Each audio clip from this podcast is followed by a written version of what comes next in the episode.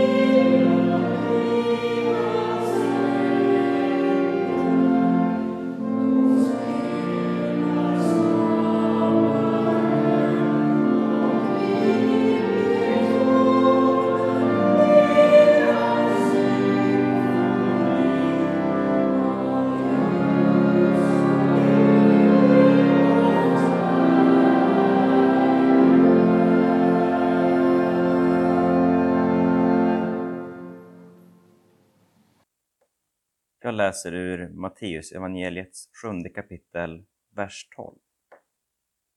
Jesus sa Allt vad ni vill att människorna ska göra för er, det ska ni också göra för dem. Det är vad lagen och profeterna säger.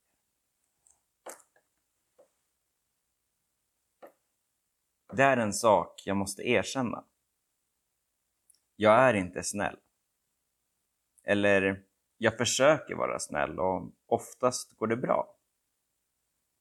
Men ibland är jag inte snäll. som när det är stressigt i trafiken, när människor far illa eller när jag är riktigt trött. Det är bara att erkänna, jag är inte snäll ibland och så får det vara. Jag får ibland höra kommentarer, du som är kristen måste ju vara snäll. Eller, så där kan du inte göra, du som ska bli präst. Det verkar finnas en föreställning om att det där med kristendomen handlar om att vara snäll. Den föreställningen kommer nog från Gyllene regeln. De korta och stjärnfulla orden jag läste tidigare. Måste man då vara snäll som kristen? Det beror på vad som menas med att vara snäll. Respektera medmänniskan. Oavsett om man tycker lika och har samma värderingar som den andra. Det tror jag är grundläggande. Att följa gyllene regeln handlar inte om att säga ja till allt eller att vara passiv i alla lägen. Som kristna har vi alla en uppgift att se ifrån när orättvisor råder. Ibland behöver man säga ifrån och det ska vi göra på ett kärleksfullt sätt och med respekt för den andre. Det kan handla om att när man råkar ut för en utskällning, inte låta sig bli arg och svara med samma mynt.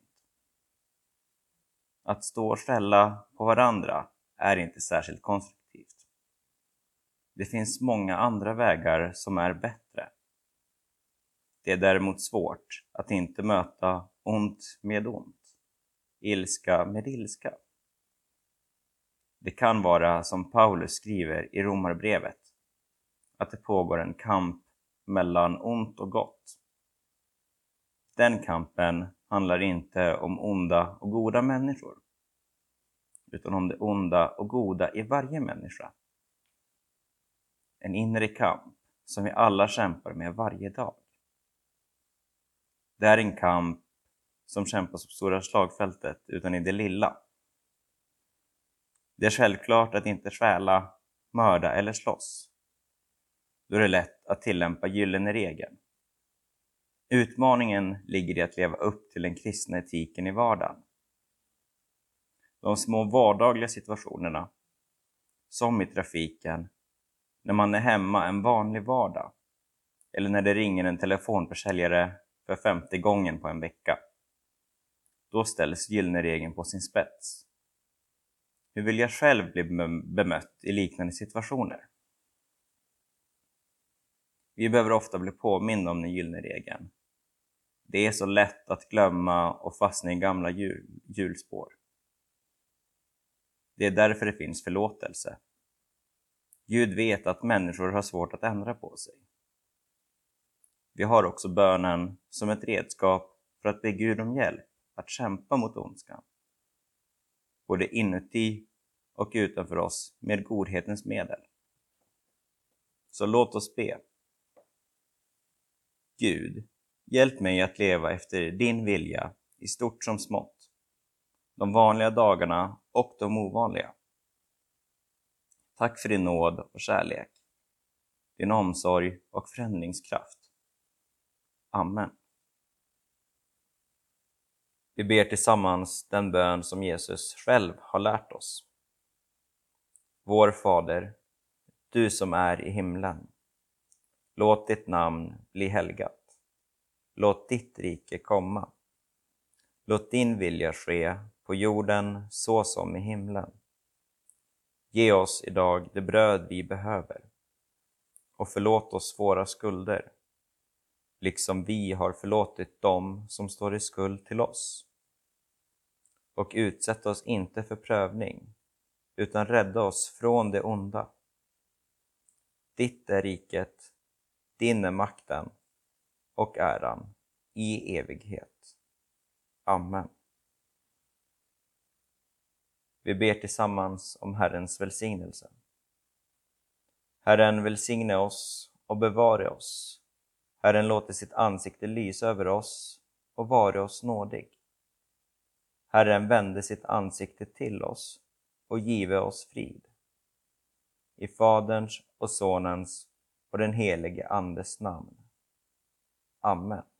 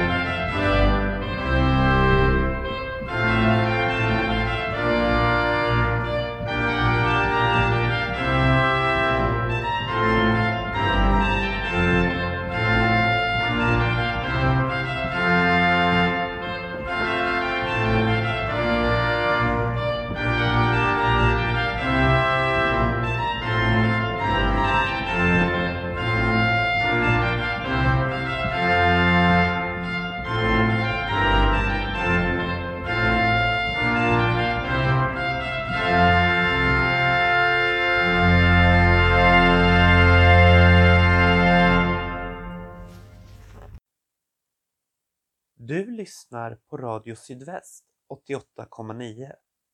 Detta har varit en utsändning från Brännkyrka församling. Bibeltexter ur Bibel 2000 Copyright Svenska Bibelsällskapet Ansvarig utgivare Gustav Frosteblad